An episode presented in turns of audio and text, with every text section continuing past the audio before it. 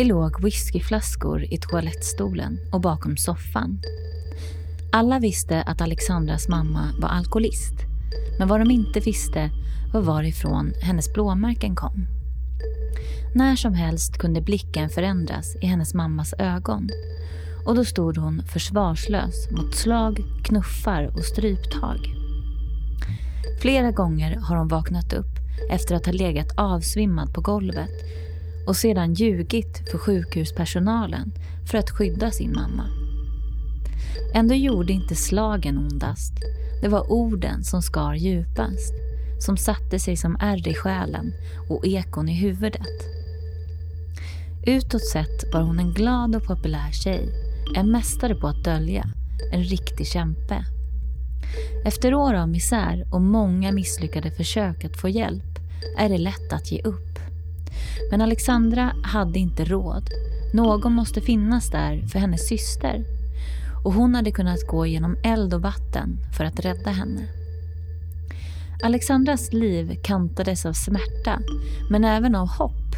Ändå valde hon än en gång att söka sig till smärtan. Hur orkar man ställa sig upp efter allt det där svarta?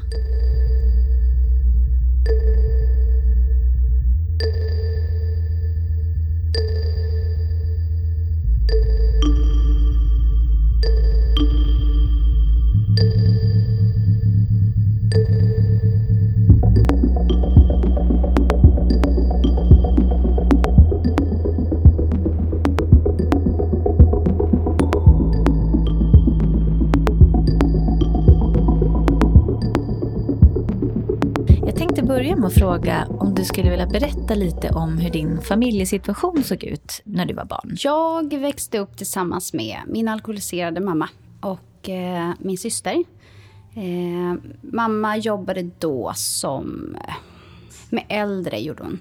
Och, eh, och jobbade mycket nätter och kvällar. Och så vår mormor var över och tog hand om oss och lagade mat och städade. Sen så gick vår mormor bort kan det ha varit? 15 år sedan kanske. 20 år sedan måste det ha blivit. Hur gammal var du då? Vad kunde jag ha varit då? Gick i lågstadiet tror jag. Ja, någonstans. Jag minns inte så väl. Sju, åtta år. Nej, mindre. Ja, någonstans där. Eh, och det var väl då allting hemma började eskalera. Liksom. Utan det var ju, när mormor levde så var det ju hon som var hemma hos oss och kom hem och städade. Det såg ut som ett bombnedslag. Alltså, mamma ägde inte ens en dammsugare. Jag har aldrig sett henne dammsuga. Eh, eller skura eller tvättmaskinen var alltid trasig så det skulle tvättas för hand. Det var liksom riktig misär där hemma. Och mormor var väl den som kom över och styrde upp allting. Och såg till att det flöt på, att vi hade rena kläder, att det fanns mat i kylen, att det fanns färdigt och att det var städat någorlunda och nybäddat i sängarna. Liksom. Så det var väl liksom lite av våran räddande ängel sådär. Och sen då när hon försvann så, så vart ju allting riktigt illa. Så. Eh, och det började väl då med att eh, mammas drickande då, hon har ju alltid druckit, haft alkoholproblem. Eh, men det är inget, jag, jag kommer inte ihåg det.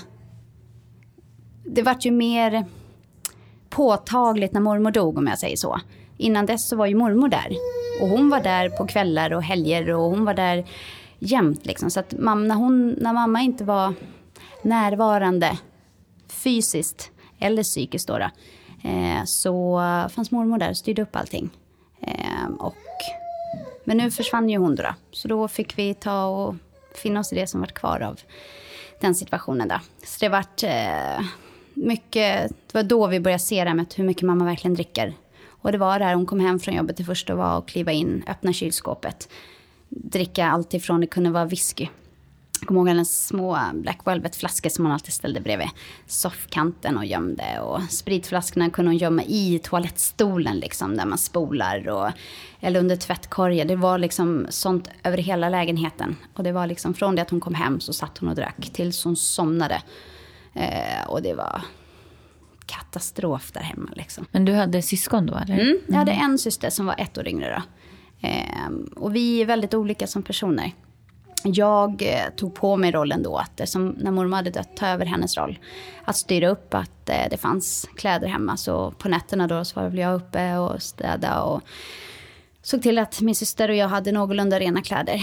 Mamma rökte ju också då, så att det luktade ju fruktansvärt illa. Och både hunden bajsade in och katten kissade och bajsade inne på mattor och golv. Och det luktade fruktansvärt där hemma. Eh, så det var, tog väl jag på mig den rollen då, då. När du var så liten? Ja. Och sen så, mamma vart ju mer och mer så att när vi, jag kommer inte ihåg hur gamla vi kan ha varit, åtta, nio kanske, något sånt där. Då började hon att tycka att Eh, hon kunde jobba på nätter. För I början då när mormor dog så jobbade hon mer eftermiddagar. Tidiga morgnar, eftermiddagar. Sen började hon känna att äh, hon struntade i vilket liksom. Utan då kunde hon stänga dörren på kvällen och säga äh, ni får klara bäst fan ni ville. Och sen så låste hon in oss och sen fick vi klara oss bäst vi ville. Hon kunde komma hem mitt i nätterna eller tidigt på morgonen eller när det än var liksom. Eh, så då, och hon struntade i sig till att det fanns mat hemma eller ingenting fanns utan hon bara struntade i det liksom. Och då var det ju det att, eh, eftersom jag var äldst då, fick ta, valde att jag tog på mig den rollen då. då. Hur skaffade ni mat liksom? Eh, kylskåpet var väl mer eller mindre alltid fullt så. Men ofta så var det ju produkter där inne som, som stod och blommade för sig själva av mögel och det luktade fruktansvärt illa. Så att ofta så var det väl mer pasta med ketchup och något så väldigt lätt liksom. Eller såna här gamla eh, burkar med champinjoner som man fick steka. Eller man fick hitta på någonting liksom. Mm. Så att man fick ta det som fanns liksom. Lagade du den pastan då? Ja, och min syster försökte väl hjälpa till i den mån hon kunde. Liksom. Stod bredvid och försökte titta på. Men man såg till att det funkade. Var alltid glada och positiva jag och min syster. Liksom. Det har aldrig varit, man tänkte inte att vad synd det är om oss. Eller så här ska inte vi behöva göra. Utan det var ju vår vardag. Det var ju så vårt liv var. Så att vi det var inga konstigheter liksom. Man förstod inte då, när man var så liten, att det här, det här är det ska inte vara så här. Man ska inte behöva ha det så när man är liten. Utan det var någonting som vi förstod med åren tror jag. Men vad var din pappa under den här tiden? Eh, min pappa och mamma träffades på ett one night stand. Eh, och eh, min pappa var 19 och min mamma var 32 tror jag. och han var inte redo för barn. Och så sa han att är det så att du väljer att behålla barnet så kommer inte jag finnas där. Och så vart det. Så att han, eh, han har aldrig funnits med. Det är väl nu sista åren som vi har fått kontakt. Då. Vi har bott väldigt nära varandra under alla år men vi har aldrig haft någon kontakt. Liksom. Vi försökte under ett par år, jag och en eh, kompis då, när vi var kanske 12 någonting, att söka upp honom. Ja, då fick vi kontakter då. Men eh, det tyckte inte min mamma om så att hon rev telefonnumret och såg till att vi inte fick någon kontakt. Så att det var ju bara vi tre, min mamma, jag och min syster. Och din syster, hade ni samma pappa då? Eller? Nej, hon hade en, eh, en annan pappa och han var ju gammal missbrukare då. då. Så att där var det ju skrik och gap jämt. Och jag fick inte åka dit då, för min mamma tyckte inte att jag skulle vara där. Och jag hade ju ingen lust att vara hemma hos våra mamma då, utan där var det ju väldigt mycket misshandel av alla de slag liksom. Men eh, jag kommer ihåg att jag var avundsjuk på min syster som alltid fick åka till sin pappa. Och då tänkte jag så här, gud jag skulle också vilja åka dit och slippa vara här hemma liksom. Utan där, var, där fick man alltid se till att man inte skulle bli ihjälslagen liksom, av mamma då. Utan när hon mådde dåligt och när hon hade haft en dålig dag då skulle hon avreagera den och då var det ju alltid på mig. Liksom. Hon gav sig inte på min syster utan det var ju jag som alltid fick stå där och ta det. Att, Men på vilket sätt kunde den här eh, misshandeln ta sig vid? Ja, det kunde ju vara allt ifrån... Hon tog första bästa lämpliga. Så det kunde vara en sladd, det kunde vara en galge, det kunde vara kastruller, stekpannor, skor. Allt som hon såg. Liksom. Det var bara, hon kunde skicka tallrikar. Liksom. Och det kom liksom blixt från en klar himmel. Ofta så, hon tyckte inte om att jag skulle äta mat. Hon tyckte inte att jag hade gjort mig förtjänt av att äta hennes mat. Då, så att jag fick oftast inte äta. Och hade jag väl gjort det då, så kunde hon mitt under måltiden ta tag i tallriken och bara skicka den i ansiktet liksom. Eller bara sparka undan stolen eller flyga runt bordet och slita ner den och börja slå på den. Bara helt... Men jag tänkte då på den här rollen som du eh, tog eller hamnade i. Varför tror du att det var du som varit utsatt för den här liksom, eh, misshandeln och jag och min syster är väldigt olika som personer. Hon är väldigt här, utåtagerande. Hon, hon slår tillbaka om det är någonting. Hon skriker och gapar. Hon, hon är väldigt utåtagerande och jag har inte riktigt den i mig. Utan jag var väldigt nära tysta, tillbakadragna. Eh, stod mamma och slog oss någon gång så jag sa aldrig nej eller stopp eller aj det gör ont utan det var ju precis som mamma, hon talade om hur mycket man förtjänade det här. Hur hemsk man var och att hade hon aldrig fött den så hade det aldrig blivit så här. Och var väldigt noga med att tala om för henne hur, hur hemsk man var, hur värdelös man var, hur ful man var, hur äcklig man var. Hur, att hon aldrig hade velat att man hade blivit född. Och hon var väldigt noga med att tala om det för henne. Hon liksom tryckte upp henne mot, eh, vad heter det, mot spegeln. Och verkligen sa det, så sa hon att jag vill att du säger efter mig nu. Att jag hatar dig och att du är äcklig och du är ful. Och skulle man repetera det och säga det, ja jag är ful. Jag är äcklig och jag vet att du hatar mig och det finns aldrig någon som kommer älska mig och alla de här. Och när hon tyckte sig då att man eh, menade det man sa. Hon sa det, jag tror inte på det, du ska mena det du säger. Liksom.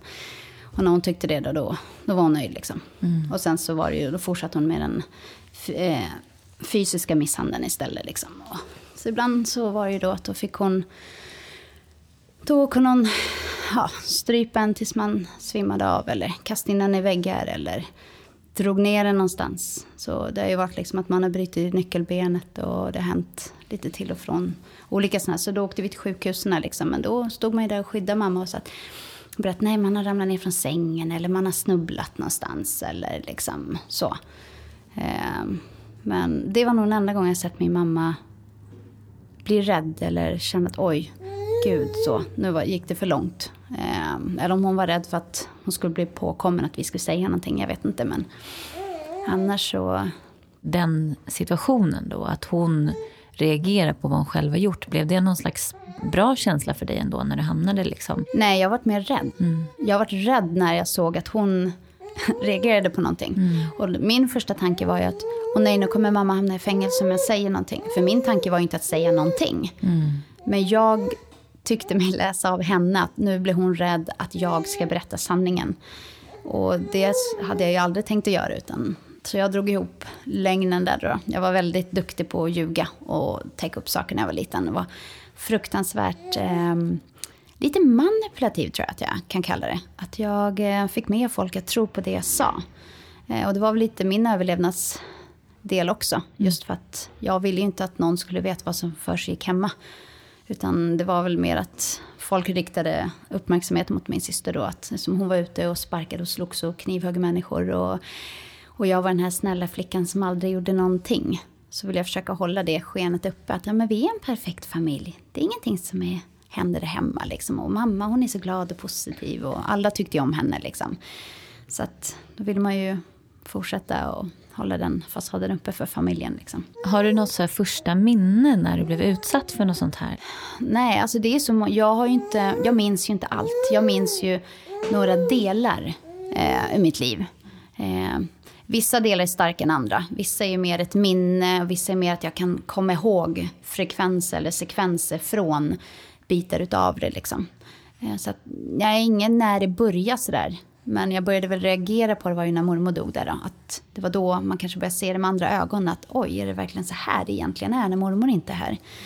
Men annars så nej, jag kan inte komma ihåg något specifikt sådär. Men slog, eh, slog hon dig då även när, eh, när din mormor var där? Eller var det något som började efter din mormor gick bort? Det började nog efter tror jag. Eller när mormor inte var där tror jag. Eh, för att eh, mormor berättade det var också någonting konstigt. Jag förstod aldrig varför. Men mormor var väldigt sådär att hon satte sig ofta ner med mig. Tog mig åt sidan och så sa hon det att eh, du ska akta dig för din mamma. Eh, och gör bara som hon säger så blir hon inte så arg. Eh, hon varnade mig väldigt, väldigt mycket för mamma. Och jag vet att min mamma slog, eller var väldigt hårdhänt mot mormor. Eh, och mormor var väl lite mer som mig, den här snälla som försökte hålla ihop familjen. Men hur var hennes pappa då? Din mammas pappa, din morfar helt enkelt? Han eh, var ju alkoholist, djupt alkoholiserad och var likadan då, också en misshandlare. Så han misshandlade ju mormor också så att hon höll på att stryka med ett par gånger. Då. Och det var ju någonting som min mamma fick bevittna. Min mamma var inte heller utsatt för misshandel utan det var hennes bror, då, min morbror. Som var också synda bocken i familjen. Så det var väl vi, vi snälla i familjen som fick ta smällen då. Och de som vågar säga ifrån och slå tillbaka, de gav man sig inte på. Eh, så det är ju väldigt tydligt sådär i familjen vem som klarar sig och vem som blir lite mer utsatt. Då. Men varför tror du att du inte liksom, att inte du gjorde våld och började skrika och bråka och sådär? Jag tror att det var mycket det här med att eh, mamma var väldigt noga med att tala om det här med att det är ditt fel. Om du inte hade gjort så här, om du inte hade sutt, Hon kunde bli arg för vad som helst. Det kunde vara att man satt och såg på tv, så satt hon och tittade på honom så hade hon varit arg för någonting. Så kunde det bara vara att jag blinkade fel eller att jag satte mig på ett sätt i soffan som inte passade henne så fick hon ett explosionsutbrott. Och det kunde vara att hon kastade sig fram på en liksom. Så att det var väl i stort sett inget sånt så, men det var väl det här med att hon var väldigt noga med att tala om för en. Det här med att ja, men, du är vidrig och jag hatar dig och om du inte gör så här så hade inte jag. Så att det var ju med att hon talade om för en så att man förstod varför hon gjorde det här. Eh, så det var inte bara att hon misshandlade utan hon var väldigt noga med att jag ska veta varför hon är så elak mot den. Liksom. Så att vad jag tänkte aldrig så, utan det var mer så men jag förtjänar det, jag är hemsk. Om jag bara gör som alla andra säger så kommer, så kommer, det här, så kommer folk tycka om mig eller så kommer inte det här hända. Eller jag förtjänar att mamma slår mig. Eller, hon, som sagt, hon var väldigt noga med det och det var nog det som gjorde att jag... Eh, eh, skit, det är det här, jag får såna här totala blackouter alltså. Det är hemskt. När det blir för mycket så, bara, så stängs det av liksom. Men det där är intressant som du säger, att när det blir för mycket så stängs det av. Var det någonting som du, en liksom taktik som blev någonting som du eh, utvecklade under tiden du blev utsatt för de här oh, sakerna? Ja. Det var ju när det vart så pass illa när man inte visste om man skulle överleva eller inte, eller om man skulle stryka med, så var det ju bara det att man, man stängde av känslorna helt. Och det var ju bara att ligga där och, och verkligen tänka, okej, okay, okej, okay, om jag bara ligger stilla nu så kanske hon tror att jag har dött och slutar. Så det var verkligen att stänga av saker och ting. Eh, vilket gör att man har mycket minnesluckor. Och när saker och ting blir för jobbigt så då stänger det av. Och det liksom blockerar både tankar och känslor och det mesta liksom. Så att det är en av överlevnadsinstinkterna. Vad hade du och din syster för relation då? Den var både och. Vi var väldigt tajta på det sättet just när mamma satte igång då. Eh, med åren så vart ju min syster eh, hon la ju all skuld på mig. Var hon ute och tjuvrökte så sa hon att det var jag. Eh, hade hon snott och de, polisen kom hem så sa hon att det var jag som hade hittat på det, att jag hade luren. Så hon hade oftast skulden på mig. Eh, vilket jag fick ta straffet för av mamma sen då. Och det gjorde ju att, så på det sättet så var jag väldigt arg på min syster. Eh, samtidigt som jag kände att det är bättre att hon slår mig än att hon slår eh, min syster. Eh, och sen så var vi ju ändå väldigt tajta. Så när eh, hon märkte då, då, min syster, att eh, det gick för långt med min mamma så kunde hon gå emellan. Fick hon inte stryk själv då, eller hur? Nej, då kunde... Mamma tog oftast tag i henne, men hon gjorde henne ingenting. Utan det var mer att hon såg tag i henne, att nu slutar du. Så. Eh, mer ett normalt sätt om en förälder skulle bli att nu slutar du. Så. Då kunde min syster då säga att eh, jag vill inte att du gör henne illa mer, det räcker nu. Så. Eh, oftast då hann jag fly undan då, då. Så sprang jag iväg och gömde mig. Jag hade ju lärt mig på det sättet att blockera dörren. Vi hade två dörrar in till sovrummet. Och jag hade lärt mig med tiden då att eh, jag visste ungefär när mamma skulle bli arg. Jag visste hur mycket hon skulle dricka för att bli arg. Jag visste, jag såg på henne när hon klev in genom dörren. På vilket humör hon var på, hur kvällen skulle sluta och hur jag skulle anpassa mig. Allting handlade hela tiden om att jag måste ha koll på allting. Ha koll på hur full blir mamma? Hur mycket har hon druckit? Vad har hon druckit? Vilket humör är hon på? Hur länge har hon jobbat? Allting. Man lärde sig, det var lite som en, ett taktikspel för att veta exakt hur jag skulle kunna anpassa mig efter hennes humör. Ehm, så en av delarna kunde ju vara att när min syster då gick emellan var att jag sprang in på rummet och gömde mig. Och då uppehöll hon henne då. då. Så ehm, ställde, hon, ställde jag upp backar. Först en stol och sen en back ståendes mot den och så böcker emellan upp mot handtaget. Så att mamma inte kunde trycka ner handtaget och ta sig in. Ehm, så det var väl lite sådana här små saker som gjorde att jag ibland kunde komma undan liksom. Och sådär. Och sen ibland kunde det vara att mamma somnade hemma i soffan. Ja, då fick man en plan för det. Att om hon somnar, då måste vi kunna komma in. Så man fick alltid se till att fönstret in, vi hade bodde längst ner på bottenvåningen då. Att fönstret in till köket eller vårt sovrum var alltid lite öppet så man kunde få in handen och kunna öppna upp fönstret och ta sig in. Ehm, utan det var hela tiden man fick lära sig själv att hitta de här koderna på hur allting skulle sluta och hur man skulle ta sig in och hur man skulle hålla koll på mamma. Har hon druckit för mycket nu? Är hon vaken? Är hon... Allting, hela tiden. Det var, man kunde aldrig koppla av. Liksom. Om man gick hemma, till exempel, rakt upp och ner.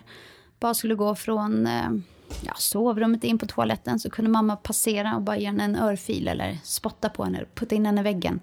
Så man hade ju ständigt ont i magen. Det var liksom och så här, ångest över bröstet, tryck över bröstet, hjärtat slog i 180 jämt, man hade ont i magen och det var, man var ständigt på sin vakt. Liksom. Det fanns aldrig en lugn stund.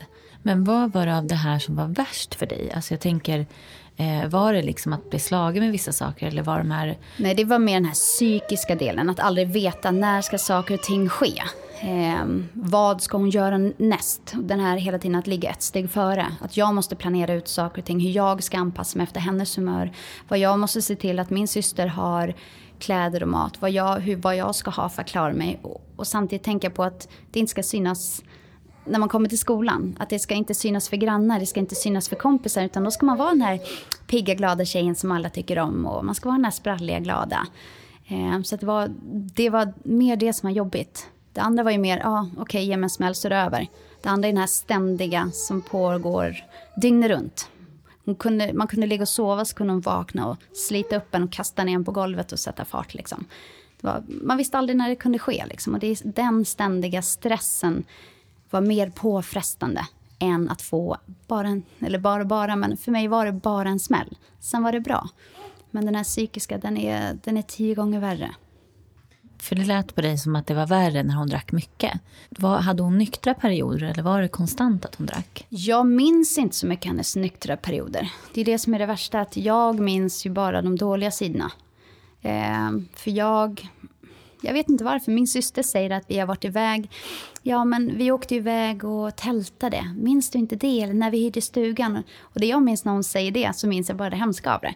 Jo, men jag minns ju när mamma ramlade över bord i vattnet och jag fick hjälpa henne.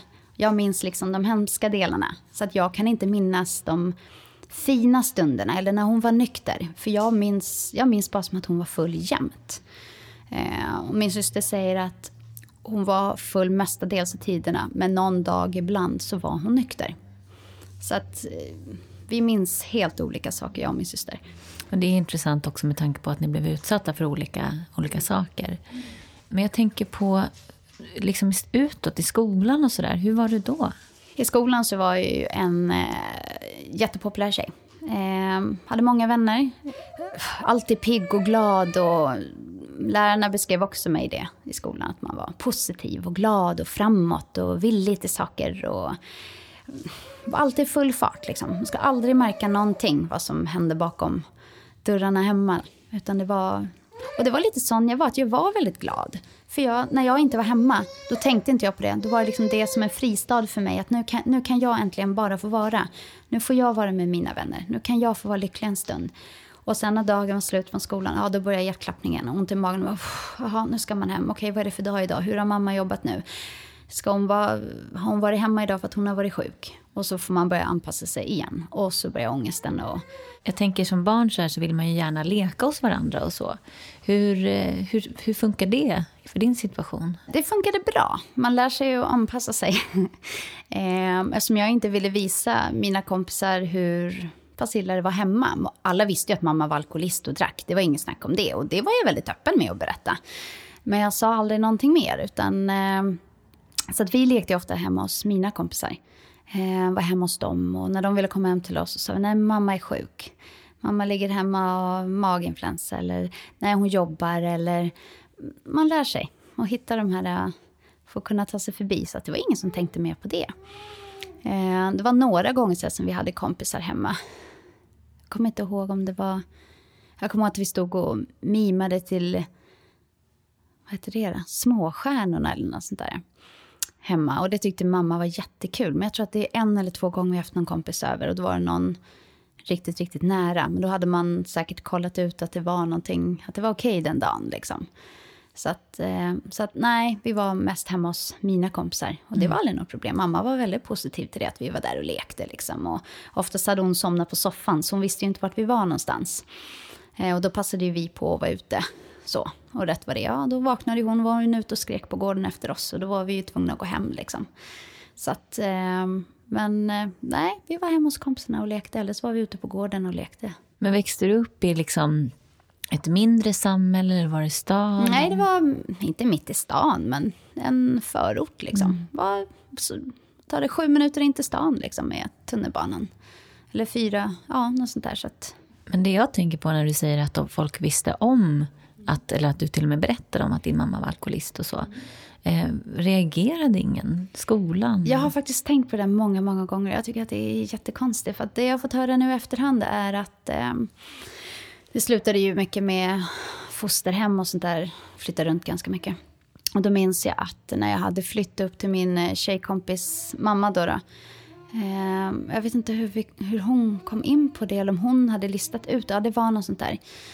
Och då mötte hon i sin tur en eh, mamma uppe på socialförvaltningen där de satt och pratade. Och då säger den här mamman då, och det var en, den, hennes son gick också i vår klass. Eh, och då säger den här mamman, ja gud jag tänker ju på Alexandra och hennes familj. Gud, man tänker så mycket på dem, hur hemskt de måste ha haft det hemma hos deras mamma som drack så mycket. Och, så att jag är faktiskt här för att bli en fosterfamilj. Jag har tänkt på dem så mycket. Eh, och där sitter då den här mamman som är där för min skull. Eh, och där jag tänkte så här, men det är nog så många som har sett allting. För mamma har ju, hon hämtade oss från skolan, hon har ramlat över gator, man har fått hjälpa henne upp, hon har skrikit och gapit och slitit och dragit i mig. Liksom. Så att jag tror att folk har sett det mesta, men har blundat lite för det. Eh, och, och jag vet inte det här med blåmärken och sånt där, hur, för det var jag väldigt noga med att dölja. Jag hade väldigt ofta långärmat och aldrig några kjolar, utan långa byxor och sådär. Så att, Ja, eh, man var väldigt duktig på att dölja det. Liksom, så att det var nog, vissa saker tror jag många såg, men det var aldrig någon som gjorde någonting. Och i skolan minns jag bara att min syster var ju väldigt utåtagerande. Hon slogs och sparkade och hon var inte på lektionerna. Och hon var på rymmen titt som tätt. Liksom och, så där. och att de tog in mamma många gånger på föräldrasamtal. Men jag minns inte vad de sa, men vi var där väldigt ofta. Så att någonting började väl folk ana. Vi, hon fick en socialanmälan en gång från förskolan minns jag. Men det hände liksom aldrig någonting. Och hon har säkert ja, 20 stycken på sig. Men det händer aldrig någonting. Vi åker dit på möte på socialförvaltningen och sen, sen slutar det där.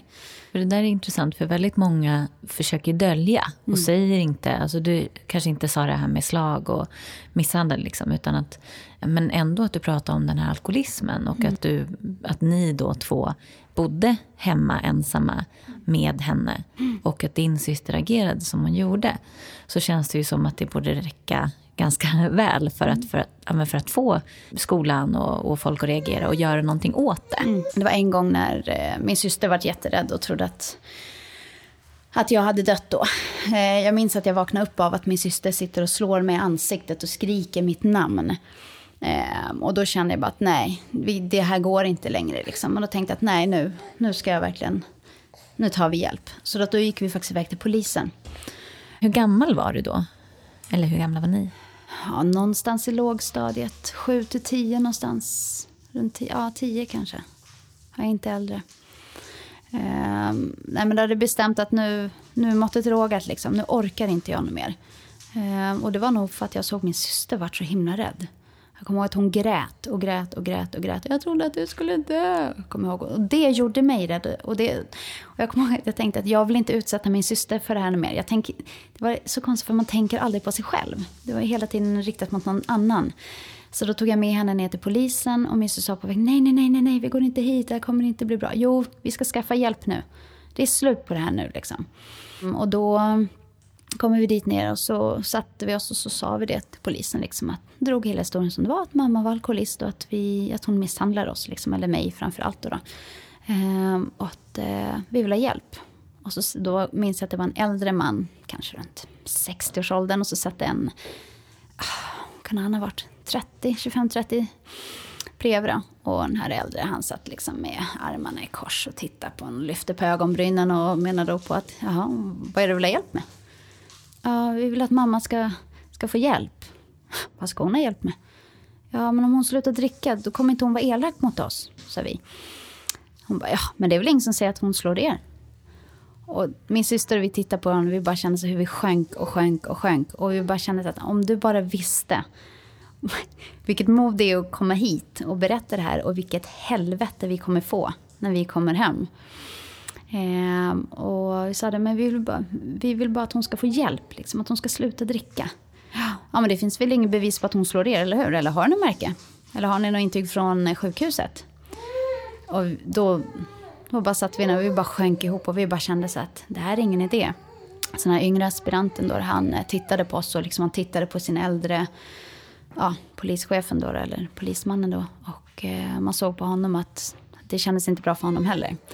Så när vi avslutade det här då så kom den här unga aspiranten efter oss och sa ge inte upp utan fortsätt liksom. Mitt bästa tips är att händer det någonting, gå till sjukhuset och dokumentera det. Så att vi har någonting att gå på, sa han. Och så kom tillbaka eller ring så fort det är någonting, ge inte upp, sa han. Och vi skakade bara på huvudet liksom. Eh, och följden av det här var ju att det var ingen polis, ingen socialanmälan. Eh, eh, utan det som vart var att det kom hem en polisrapport hem till mamma i brevlådan där det stod ja, att vi hade varit där och att, eh, ja, vad vi hade sagt. Och sen att det varit nedlagt på grund av det inte fanns någon bevisning.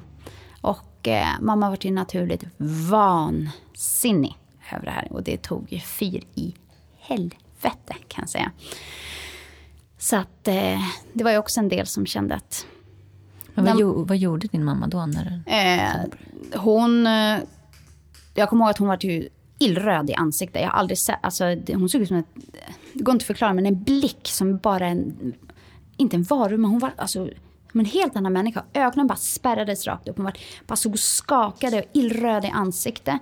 Och så skrek hon liksom att det här är väl ditt jävla påhitt. Och så bara kastade hon sig över mig, kastade in mig i väggen, dunkade liksom huvudet i golvet och sparkade i magen. Så lät tag i sladdar och bara slog och slog. Så liksom skinnet, jag hade Eh, vi hade kommit ur duschen när mamma kom hem. Eh, så skinnet sprack på benet. Eh, fortfarande ett ärr idag. Eh, och den kvällen gjorde att vi... Eh, min syster gick emellan första gången och tog väldigt mycket stryk av min mamma. Och jag vart jätterädd, för jag ville inte att min syster skulle bli utsatt för det här.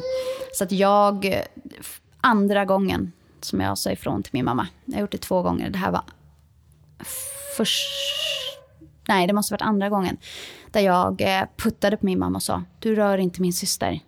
Eh, och så kastade hon sig på mig igen. Och sen minns jag ingenting. Sen minns jag också bara att jag vaknar upp i rummet och att min syster har blockerat dörrhandtagen som vi alltid gjorde då, med backar och stolar och bäckar. Hoppade vi ut genom eh, vad heter det, sovrumsfönstret, kommer jag ihåg. I, vi hade trosor och en t-shirt på oss. Och det var ju blod på benen överallt. Så sprang vi bara över hela stan och hem till min morbror och hans fru och eh, knackade på dörren. Eh, och de i sin tur gjorde en socialanmälan på morgonen. Men det hände inte så mycket mer. Då var vi tvungna att gå tillbaka hem. Så att, sen fortsatte det så här. Det var liksom aldrig någon som gjorde någonting. Och sen så vet jag att det var flera privatpersoner som gjorde anmälan. Hände ingenting. Då var vi uppe på där på samtal. Och då, vi fick ju ta smällen för det när vi kom hem sen. Så att det var ju bara värre ju mer folk höll på. Och man tycker liksom att socialförvaltningen kanske borde ha gjort någonting. Om det kommer in allt från skolan, det kommer från förskolan, det kommer från vänner, det kommer från familjer. Men du sa att det här var andra gången som du sa ifrån. Mm. Eh, kan du minnas första gången? Ja, första gången. Jag minns inte vad det var, men det var... Jag minns exakt vart vi stod. Det var i vardagsrummet på uh, hennes dyra matta. Och uh, där hon hade gjort kommer inte ihåg vad hon gjorde. Det var någonting, hon stod och slet och drog i håret. Eller om hon... Jag kommer inte ihåg, det var någonting som hände i vardagsrummet. Och, eller om jag varit arg. Någonting var jag bara kände så här. Och jag sa till henne, släpper inte du mig nu så kommer jag att stampa på din fot. Sa jag till henne. Och det var någonting inom mig där jag bara kände att det räcker nu, jag orkar inte, nu jävlar. Liksom. Och hon skrattade bara åt mig och fortsatte. Och då kände jag att, så, så varnade jag henne en gång till. Jag kommer att stampa dig på foten, släpp mig. Vad tror du att det var som, som väckte det här hos dig? Jag vet faktiskt inte. Och det var ju inte en av de värsta gångerna heller. Utan det var precis, jag vet inte, det var precis som att man fick någon kraft någonstans ifrån när man kände att det här är inte okej. Okay. Jag vill inte. Och att jag faktiskt kunde säga det. Men det var, man tänker på varför just där och då. Det vet jag faktiskt inte. För det var inte en av de här värsta gångerna när man kände att hon slår ihjäl mig nu. Jag vet inte om jag kommer att överleva det här. Då hade jag aldrig sådana tankar. Då var det mer, i övrigt så var tankarna mer att jag gör bara som hon säger. Och jag liksom tänkte aldrig någonting, jag kände ingenting. Det var bara så här, ja men slå tills du är färdig då. Så får vi se om vi överlever imorgon. Så. Men nej, jag vet faktiskt inte vad det var som gjorde utan det var bara att jag kände att jag behövde säga det liksom att det räckte nu liksom. Så att, men sen efter det så, hon vart inte så arg som jag trodde. Eh, utan hon var mer, hon vände på det mer psykiskt och sa, vet du vad du har gjort? Du har stampat din mamma på foten.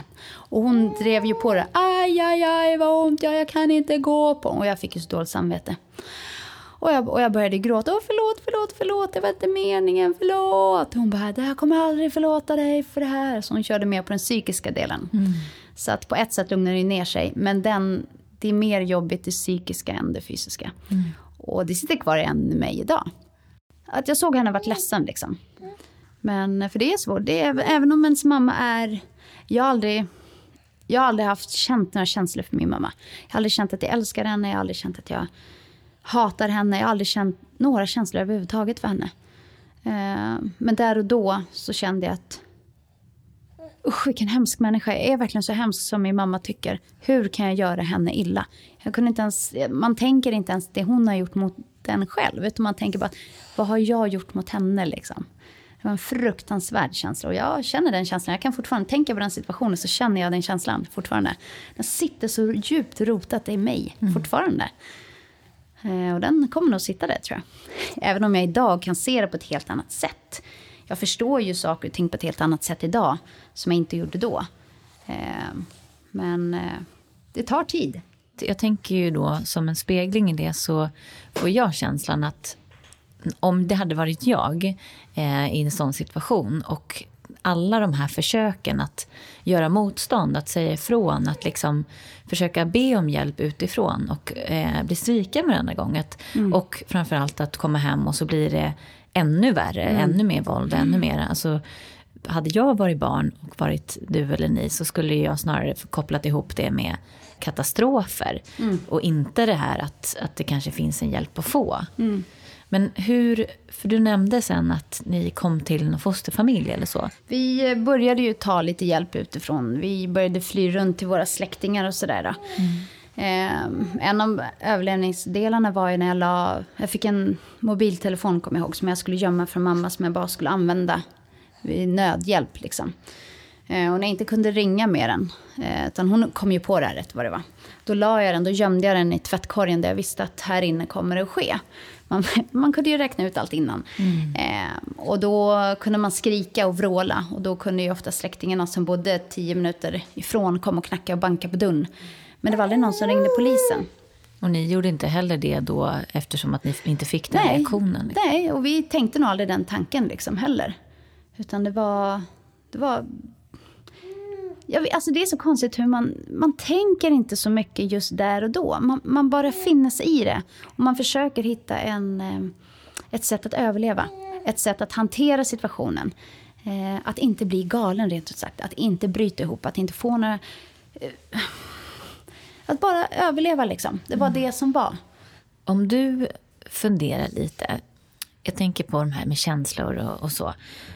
Vad, vad var din liksom största eller eh, alltså den rädslan som du bävade mest inför? Kan du minnas någonting sånt? Alltså min stora rädsla var ju, jag vet inte varför, men det var mycket min syster. Även om hon inte, hon var aldrig utsatt inte ens en tiondel av det jag varit. Eh, men det var någonting med att hon, att det skulle hända henne någonting. För ofta, sen när hon var lite äldre så började det mycket med att hon försökte ta livet av sig. Hon hängde sig i träd, hon buffade och hon skar upp armarna och hon eh, försökte hoppa framför tåg. Allt liksom. Så min rädsla har alltid varit mycket kring min syster. Mm. Att jag har känt att jag har behövt funnits där för henne.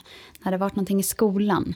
Eh, när hon slogs med lärare eller att det var slogs med elever eller någonting. Det var alltid mig hon ville ha där. Så jag, min rädsla har varit mycket kring henne. Att hon ska ta livet av sig en dag. Att hon inte ska finnas där. Mm. Och att jag inte ska räcka till på något konstigt sätt. Eh, också det här som är inpräntat från mamma, liksom, att jag, jag duger inte. Jag är värdelös. Eh, allt det här. Liksom, det sitter fortfarande som en rädsla kvar i mig. Och, men så, jag tror att den stora är kring min syster, att hon, att hon inte ska finnas kvar. Eller att hon inte vill veta av mig, att hon inte ska finnas kring i mitt liv. För att det var ju den enda personen jag hade som var min trygghet i mitt liv. Även om inte hon då gjorde någonting för mig så var ju hon min syster. Och jag visste att vi har varann. Eh, så att utan henne, det var nog den största rädslan att inte få henne kvar i mitt liv tror jag. Eh, och det var ju, det slutade ju sen med att eh, jag flyttade ju, eller vi flydde ju då från mamma till slut. Och vilket gjorde att vi gjorde socialanmälningar, och vi var tvungna att flytta hem igen. Och sen så var det en gång jag började prata med, vad heter det, kuratorn på skolan. Började berätta för henne på något vänster så kände jag att jag behövde prata med någon. Jag vet inte vad det var men det var väl någon sån här inre röst av slag. Och bara kände jag måste prata med någon. Så gick jag till henne och började berätta lite sådär. Var där en dag i veckan. Och så började, sa hon att jag vill att du skriver en dagbok över helgerna som du lämnat till mig sen. Och sen så började hon förstå hur pass allvarligt det här var. Och då sa hon att en dag så sa hon, Gabriella det är slut på det här nu. Nu kommer jag göra en socialanmälan du kommer aldrig mer flytta hem till din mamma. Och då, gud vad rädd jag varit. Jag har varit så rädd. Jag sa, men du förstår inte vad som kommer hända, sa jag till henne. För då tänkte jag på det som hade hänt med polisen då, att jag kommer vara tvungen att flytta hem igen.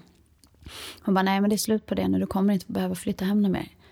Och jag bara var så rädd. Och jag bara sa, nu måste jag ringa min syster. Min, min, min syster måste från skolan. Vi gick från två olika skolor. Då gick jag i sexan och hon gick i femman.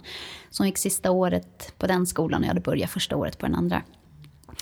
Ehm, och då sa du måste ringa till skolan först och se till att de tar henne undan liksom, i säkerhet innan ni ringer till socialen och de hör av sig till mamma och det här. Så efter, jag kommer inte ihåg hur det gick till, men jag kommer bara ihåg att eh, den här kuratorn då hade ringt till socialtjänsten och att vi skulle få bo hemma hos min morbror så länge. Så min morbror hämtade mig och så åkte vi och hämtade min syster. Och min syster tyckte inte om min morbror. Eh, så hon började bråka med honom och sa att jag vill inte dit och jag vill hem till mamma. Och, och jag var bara så nej ska hon hem dit? Och jag har varit jätteförtvivlad, jag har varit jätte, jätterädd. Jag var rädd dels att min syster skulle tillbaka hem till mamma och att jag inte skulle få vara med henne. Om din syster inte skulle dit. Precis. Mm. Och hur skulle mamma få tag i mig? Skulle jag behöva flytta hem dit igen? Det var så mycket tankar som snurrade. Och det var den påverkan på mig var mer, var värre än när mamma var som värst med sina slag. Liksom. Eh, men det slutade i alla fall med att vi flyttade hem till min morbror. Och min morbror bodde tillsammans med hans fru och hon var alkoholist. Så att vi började om på ett nytt helvete där hemma istället. Eh, fast där var det aldrig någonting eh, fysiskt. De slog oss aldrig, utan men där var det hon som var så fruktansvärt verbalt elak. Hon var också där som talade om eh, liksom, att vad är det för jävla ungar ska de bo här för? Bara hon var full. Och när hon var nykter var hon ju jordens underbaraste människa. Liksom. Det var verkligen så svart eller vitt.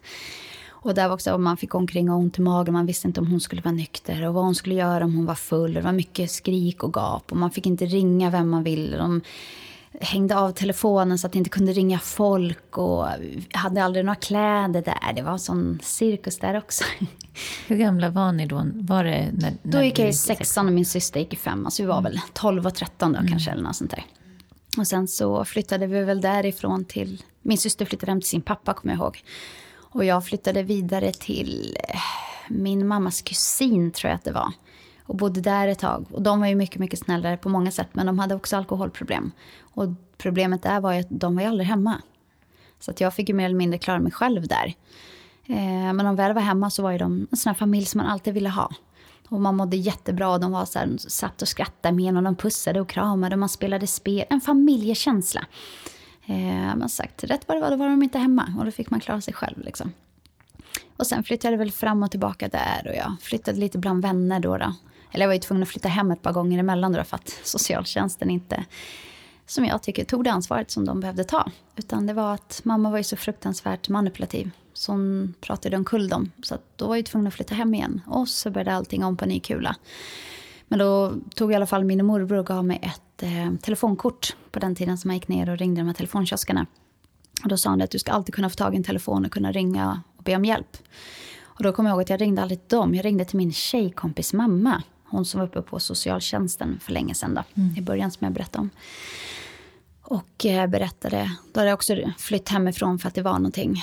Jag kommer inte ihåg vad mamma hade gjort. Men jag kommer ihåg att då flydde jag också. Springer ner och ska ringa det här samtalet då till henne. Jag ringer och gråter och gråter helt hysterisk i telefonen. Och, för mamma sprang efter mig. Och jag trodde att nu kommer hon ta tag i mig här nere mitt på torget bland alla människor. Liksom. Eh, så jag bara skrek till henne att skynda dig hit liksom. Jag vill inte stå här själv. Men då hade hon ringt till polisen så hon kom i en polisbil och hämtade mig. Så då flyttade jag hem till dem ett tag och bodde där kanske två månader tror jag. Men sen vart hennes dotter, min klasskamrat då, en av mina bästa vänner, vart lite avundsjuk. Och hon kände att det vart för mycket fokus på mig. Eftersom jag hade mycket mardrömmar jag hade inga kläder och hon var ju van att få allt själv. Och då var mamman då tvungen att ta ett beslut. Och det är klart, hennes barn går först. Så då flyttade jag, det var då jag tror jag flyttade till en fosterfamilj. Ehm, hamnade där, då gick jag i åttan tror jag. Och bodde där i nio månader. Och det var väl helt okej. Okay. Det var liksom inget speciellt sådär. Ehm, och sen ja, flyttade jag väl hem ett par gånger när socialtjänsten tyckte att nu är det dags att flytta hem ett tag. Ehm, så det har varit väldigt mycket flyttande. Men var det samma situation då varenda gång du flyttade hem? Oh ja, ja det förändrades aldrig. Nej. Utan hon var samma person, samma elaka människa. Ingen mindre alkohol eller något sånt där. Och de satte aldrig någon press på henne att hon skulle läggas in på något behandlingshem eller ta någon hjälp eller vara nykter under ett visst tag innan vi flyttar hem. Utan inga krav på henne överhuvudtaget. Liksom. Och din syster, hur gick det för henne? Hon, under den här tiden, hon bodde hos sin pappa ett tag. Men där var ju också, det var ju kaos där borta också. Han var ju gammal narkoman. Höll på mycket med droger så han var ju lite vilsen i sig själv om man säger så. Ehm, så hon flydde ju därifrån, så hon rymde ju till slut. Så hon var ju ute i... Eh, jag kommer ihåg att hon åkte någon båt, om det var till Estland eller Lettland någonstans. Och for runt och levde på gatan där ett tag och träffade folk och for runt överallt. Och jag var ju jättenervös när jag gick i skolan. Jag hade inte hört någonting från min syster. Eh, och rätt vad det var så fick jag höra att hon låg inlagd på sjukhus. Då hade hon eh, skärt upp armarna och försökt ta livet av sig. Men hon hade de hade lyckats rädda henne då. då. Och så, var, och så höll det på så här. Och jag var jätterädd för min syster hela tiden. Och jag krävde då på sjukhus att någon skulle ta tag i henne, att hon skulle få någon psykologisk hjälp. Men de lägger in dem på ett mental, mentalavdelning eller en, i en eller två dygn. Sen pratar man med någon typ av psykolog eller någonting där då som gör någon värdering på om man ska komma hem eller inte. Och sen var det samma sak igen. Så var hon ju ute igen och så började hon hänga sig i träd och allt liksom. Så att det var ju inte det var aldrig någon lugn och ro, utan det var den här ständiga stressen jämt, jämt, jämt. Um, och jag vet inte när den riktigt började lugna ner sig. För jag minns att jag träffade min första pojkvän där vid 16 var jag nog, tror jag. Och um, då... Ja, då flyttade jag hem dit efter ett tag. Jag bodde hemma hos min ska vi säga, mammas kusin och dem igen. Eh, hade bott där säkert i ett år nu eller något sånt där. Eh, och han upp till, han kom ju från en helt vanlig familj. Och, och kom dit och fick se vilket liv jag levde. Och det vart ju som, för jag, vi var ju alltid hemma hos honom och sa en dag, men kan vi inte sova hos dig? Ja, då sov vi där. Då fick ju de se vilka typer av människor de var. Och han tyckte det var jätteobehagligt att se. Och det var ju inget skrik och gap eller så, men han såg väl med andra ögon, ur mer ett friska ögonsyn. Eh, för jag tyckte inte att det var någonting. Jag mådde jättebra där. Mm. Men, och han grät liksom, du måste flytta hem till mig, du kan inte bo här. Så då... Men vad var det han tyckte var så hemskt? Där, jag då? vet inte, jag kommer inte ihåg vad det var. Men jag kommer mm. att han grät och grät och grät och sa du får inte bo här. Och jag, för mig, det var inget konstigt. För mig var det liksom att jag mådde ju bra nu. Det var inget slagsmål eller det var inget det var inte lika mycket oro längre. Visst, de kom hem väldigt sent på kvällarna. Eh, de kunde komma hem mitt i nätterna. Men jag hade i alla fall jag hade mitt egna rum. Visst, det var liksom en tältsäng, men jag hade en dörr att stänga. Och jag, var, jag behövde inte vara orolig. Liksom. Och det gjorde att jag fick ett lugn i mig själv. Eh, så att jag var nöjd med det. Och jag kände mig lycklig. Men ur en, kanske inte säga normal människa, men en så var det här någonting han såg som inte var bra. För han grät. Han mådde fruktansvärt dåligt. Eh, så att han såg någonting som jag inte kunde se och jag kommer inte ihåg än idag vad det var för någonting. Men det slutade med att efter ett par månader i alla fall så flyttade jag hem till deras familj. Och det var första gången jag fick veta vad en riktig familj var. Med riktig kärlek, värme, omtanke, allt. Hur var den familjen? Jätte jättegulliga. Eh, mamman var så väldigt, pappan var väldigt positiv och glad och skämtade lite. Och han var lite som Mr Bean sådär, kunde göra lite tokiga saker och man skrattade jättemycket åt honom. Och mamman var också så väldigt eh, ordningsam, snäll. eh, var en väldig värme i den här familjen. Och han hade även en syster.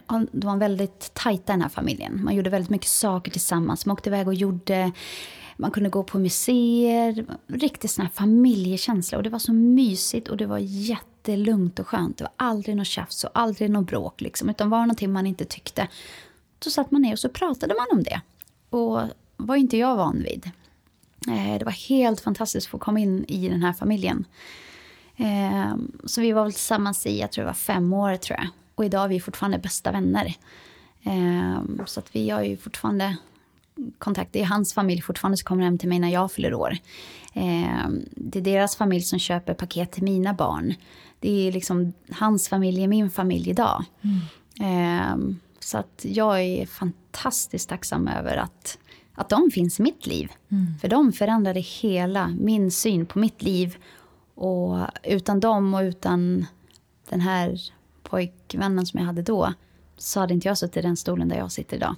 Det hade gått riktigt åt fanders. Tillbaka tänker till när du verkligen började bryta loss och sätta ner foten även och utåt. Tror du att en av de drivkrafterna var att du eh, ville hjälpa din syster? För det låter ju som att du nästan i det, den, eh, det stadiet där du var då nästan hade givit upp om dig själv? Ja, alltså tanken låg ju aldrig på mig själv någon gång. Det var ingenting jag tänkte att gud, jag mår inte bra, jag måste ta mig härifrån. Den tanken fanns aldrig. Utan det var precis som att jag hade inga tankar på mig själv. Det var så här, jag tänkte inte ens att aj, oj vad ont det här gör, oj, ja. Det, det fanns liksom inte, utan det var mer så här, gud min syster, hon kanske. Ja, fokusen låg väldigt mycket där. Ehm, så det gjorde ju att allt vart ju mycket, mycket svårare för mig när jag hade dels att min syster eh, försökte ju ett antal gånger då, hon var ju på rymmen och hon försökte ta livet av sig. Hon ringde ju då, vissa gånger kommer jag ihåg, då kröp hon upp, kunde ligga och sova, så kröp hon upp och la sig i min famn i sängen. Eh, och så viskade hon någonting i mitt öra. Och så vaknade jag till och säger, vad säger du för någonting? Säger jag när jag är halvt vaken. Och då säger hon så här, jag älskar dig, glöm aldrig det. Och då vaknade jag till och tänkte så här, nej vänta nu, det är någonting som inte riktigt stämmer. Eh, och då hade hon hällt i sig, jag kommer inte ihåg vad det var för tabletter, två burkar av några tabletter då. Sen hennes hjärtslag hade börjat gått ner. Så jag var ju jätterädd då. Och så ringde jag till eh, ambulansen då. Och eh, hon fick hjärtstillestånd eh, när de kom in i lägenheten då. Och eh, då var mamma där, kommer jag ihåg, och hon sa att vad fan ska ni hålla på och försöka väcka liv i henne för? Eh, och så kastade de iväg oss i ambulansen då. Och så på väg in. Um, så att det har varit väldigt, väldigt mycket rädsla kring henne också. Och vilket gjorde att utan henne så hade nog jag inte försökt ens att ta mig ifrån mamma och hela den situationen. Utan hon var precis som du säger en liten drivkraft jag hade tror jag. Jag har aldrig tänkt så, men när du säger det så låter det ju faktiskt så. När man tänker efter att jo, för det var ju det. Min fokus var ju på min syster, helt klart. Under tiden när du bodde då och var tillsammans med den här killen. Mm. Hur, vad hände med din syster då? Hade du kontakt? För det låter som att du hittade den tryggheten då. Ja, och det gjorde att jag kunde släppa taget om min familj på ett helt annat sätt. Jag hade ju inte fått en ny familj, men jag hade fått ett helt annat liv. Jag hade fått ett helt annat fokus i mitt liv. Min fokus låg inte längre på min mamma och min syster. Att jag behövde anpassa mig efter min mamma och se vilket skick hon var i. Jag behövde inte hålla koll på min syster utan jag kunde fokusera på mig och mitt liv tillsammans med min dåvarande pojkvän. Eh, min syster var ju fortfarande väldigt eh, självdestruktiv. Hon eh, kunde ringa mitt i nätterna och säga liksom att hon eh, blev jagad av folk. På den tiden gick hon väldigt mycket med nazister. Eh, och eh, varit jagad. Eller hon hade varit på fest och hamnat eh, snett och så hade hon knivhuggit någon och att jämt. Och till slut så var det faktiskt min eh, pojkvän som sa att du måste släppa det här. Du kan inte hålla på och lägga ner ditt liv på henne. Och jag förstod inte vad han sa. Eh, utan det kändes som att jag levde för min syster. Jag behövde vara där när hon behövde mig. Jag behövde anpassa mig efter henne. Behövde hon mig, då ska jag finnas där. Behövde hon att jag skulle åka in till sjukhus eller äh, hämta henne någonstans, då åkte jag dit. Spelade ingen roll om det var sju på morgonen eller två på natten. Jag fanns alltid där för henne. Så min telefon gick ju varm jämt. Eh, men till slut så sa ju då min dåvarande pojkvän ifrån och sa det att det här fungerar inte. För det, du du är, du är inte närvarande, du är inte här. Sa han. Utan jag började gå tillbaka till att bara vara för min syster. Och då satte han ner foten och sa att nu får du välja. Du kan inte hålla på och försvinna mitt i nätterna och hjälpa din syster. Och du kan inte hålla på och ha telefonen som ringer dygnet runt. Att du inte kan sova och den måste vara på. Och då fick jag mer eller mindre göra ett litet val. Eh, och det var fruktansvärt jobbigt kommer jag ihåg. För min syster var jättearg på honom. Så hon började spotta och förstöra hans bil och vandalisera saker kring honom. Aldrig någonting gentemot honom. Aldrig ringde eller hotade honom. Men det var mot hans bil, kommer jag ihåg. Det var väldigt mycket. Och att hon, när vi träffades, sa han att du kommer ta henne ifrån mig och sådär. Um, så att det började väl, jag började väl ta avstånd från min syster tror jag när jag träffade honom. Det var fruktansvärt jobbigt. Men jag var illa tvungen för jag, det var en människa som jag ville leva med. Var det. Så det var det valet jag fick ta. Men hur funkade det i skolan och bland vänner och så då, när du under den här tiden, jag tänker då gymnasie, eller högstadiegymnasiet? Eh, alltså skolan som sagt har aldrig varit något problem för mig. Visst, jag var lite frånvarande på lektionerna men det var inte så konstigt. Eh, utan där var det ju, jag njöt av varenda sekund jag kunde få vara mina vänner. Eh, det var ju då jag hade tiden för mig själv och inte tänka på någonting hemma. Ehm, så att skolan gick bra. Alltså betygen var väl inga extrema. Jag låg på G och VG liksom. Men det var, liksom, det var inte viktigt för mig. Det var viktigt för mig att bara få vara med mina vänner. Att få vara glad och lycklig och bara få vara jag för en stund. Och inte behöva anpassa mig så mycket efter alla andra. Men det låter ju då som, när du hittar till den här familjen så låter det som, när du pratar i alla fall, att det kom till någon slags lycklig period där allting vände. Mm. Men ni var tillsammans i fem år. Ja, det stämmer. Vad hände mm. efter det? Sen träffade jag en... Eh, sen, jag har börjat tänka på det varför det tog slut eftersom vi är så pass bra vänner idag. Eh, jag tror eh, att det var lite att när jag levde med honom så fick jag det som jag hade behövt då. Jag fick kärlek från hans familj. Jag fick den kärleken jag fick av honom. För sen så kommer jag ihåg att alla sa liksom, gud han är så tråkig. Han vill ju bara vara hemma. Han vill bara gå på bio. Han vill ju aldrig festa. Han vill ju aldrig göra någonting. Eh, och jag kommer ju från en familj där det var väldigt mycket... Det hände mycket saker hela tiden. Eh, och eh, den här familjen så man bara var. Det behövde inte vara så extremt med saker och ting. Utan man gick på bio, man kunde gå ut och äta en middag, man kunde gå på vla. Man kunde göra sådana saker. Men i andras värld så räckte inte det. Det skulle festas och det skulle hittas på så här galna saker. Liksom. Och då sa de, han är så jävla tråkig, du borde skaffa någon annan, han passar inte dig. Så efter ett par år så har ju det satt sig i huvudet. Liksom. Så jag började tänka, nej men gud, han är faktiskt ganska tråkig. Så att, eh, det slutade faktiskt med att jag eh, träffade en annan eh, när jag var tillsammans med den här killen. Idag har jag jättedåligt samvete för det, men jag var en jättesjuk människa då. Så, mm. jag, eh, så jag lämnade faktiskt honom. Och eh, trots det så ville han ha kontakt med mig. Och eh, ja, jag tänkte, ja det kan du väl ha. Jag är ju inte intresserad av honom. Men eh, på den vägen så har det fortsatt. Så då träffade jag en, en kille som var tillsammans med i två år. Det var också inget speciellt. Det var också så här jättegullig på alla sätt. En helt, också en helt fantastisk människa.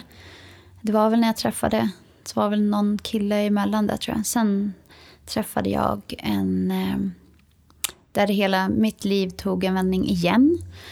Eh, jag hade varit tillsammans med jättebra killar innan. Så här lugna, snälla, som såg mig. Nu så träffade jag en eh, narkoman och en alkoholist. Han var väldigt öppen med det i början när vi träffades. Och eh, han eh, sa det att jag, jag vill bara att du ska veta att jag tar kokain. Men det är bara för att jag, eh, jag blir så elak eller jag blir så konstig på alkohol, sa han. Ja, ja, tänkte jag. Jag hade ju inga problem utan jag drack en kväll och sen var det ju bra. Så det var ju precis det jag trodde att han gjorde. Men för jag visste ingenting om droger. Jag hade aldrig kom, kommit i kontakt med det innan. Men eh, så var det ju inte. Utan det var ju droger dygnet runt.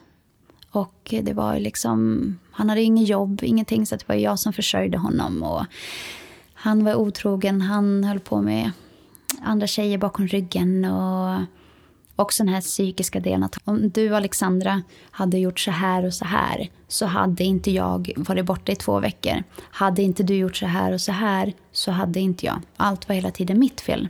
Men hur träffades ni? Alltså, det låter ju inte som att du bara, perfekt, här är en kokainist, Nej. kokainist nu kör vi. Utan, Nej, eh, vi träffades faktiskt en kväll på Göta källare. Eh, jag var där väldigt mycket. De hade en typ av musik som spelades där som jag tyckte väldigt mycket om, som inte spelades någon annanstans. Eh, så vi träffades genom det gemensamma musikintresset. Mm. Och vi träffades där en kväll. Eh, jag minns faktiskt inte det, för att jag var väldigt berusad den kvällen. Jag minns bara att på morgonen när jag vaknade upp så stod det ett meddelande i telefonen att den här personens namn då, och så Göta Källare. Jaha, jag ger aldrig ut mitt nummer till killar. Vad, vad är det här för konstigt? Det måste ju ha varit någon av mina tjejkompisar som har lagt in det, tänkte jag. Men eh, sen så hade faktiskt hemsidan lagt upp ett kort på oss. Det var det han skickade till mig. Så att du går in och tittar på Göta källares hemsida. Det finns en bild på oss. Jaha. Och jag minns ingenting från den kvällen. Men sen så fortsatte vi umgås och vi hade så himla kul ihop. Vi hade, alltså man skrattade så man hade ont i magen tillsammans med honom. Och vi kunde ligga liksom i sängen och titta ut på stjärnorna och vi kunde bara ligga i parken och kasta ner vindruskärnor i glasflaskor. Alltså vi bara var och det kändes så himla rätt. Den känslan, aldrig känt den känslan med någon annan. Men sen så började det eskalera. Och han var öppen väldigt tidigt med mig och sa det att jag tar kokain. Liksom. Eh, och jag tyckte inte att det var något konstigt. Ja, ja, ja, tänkte jag. Jag dricker ju alkohol så att det spelar ju inte mig någon roll. Men sen så eskalerade det ju och jag fick lite smak på hur det är att vara tillsammans med någon som tar kokain eller var en missbrukare. Då, då. Och det var ju ja, hemskt. Det var ju tillbaka i samma spår där jag hade lämnat när jag var liten. Precis samma sak, på att han, han rörde mig aldrig. Han misshandlade mig aldrig.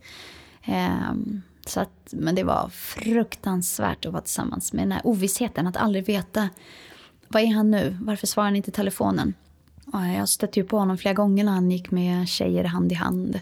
Och han skyllde ju på att nej, men det var bara en tjejkompis eller det var någonting annat. Liksom. Och det, var, nej, det var där jag förstod.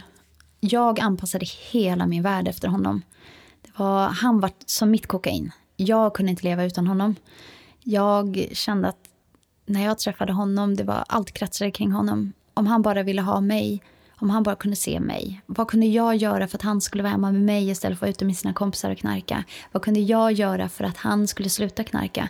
Vad kunde jag göra? Hela tiden leta efter alla möjliga sätt för att anpassa mig efter vad han behövde. För att han skulle vilja vara med mig. Men varför tror du att du valde att stanna istället för att gå? Jag tänker med dina erfarenheter av då att leva i den här misären till att sen hitta den här friden och lyckan som du ändå drömde om. Vad var det som gjorde att du, att du blev så här besatt av honom, tror du? Jag vet faktiskt inte. Jag tycker det är jättesvårt. Eh, Det, var precis, det är ju oftast det, det man känner igen. Det du har varit med om så liten är ju oftast det som du söker till sen. Eh, Det som hände däremellan, från det att när jag växte upp, den här friheten som jag kände hos den här familjen, där jag kände att den här kärleken, och det var det jag behövde just då. Men eftersom jag inte hade rätt ut allting med min mamma så var det fortfarande det livet som fanns kvar i mig. Och det var ju det jag kände igen i honom.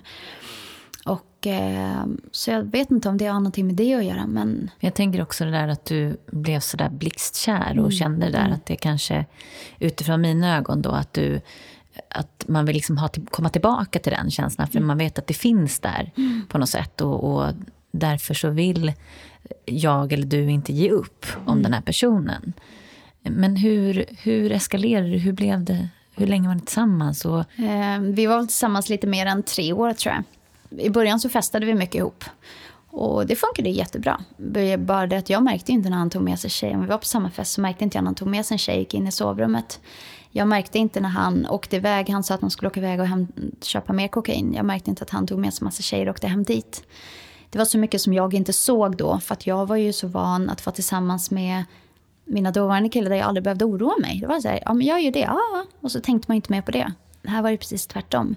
Och innan jag förstod det, det kom ju lite som en chock för mig. Eh, men den här relationen, det urartade till...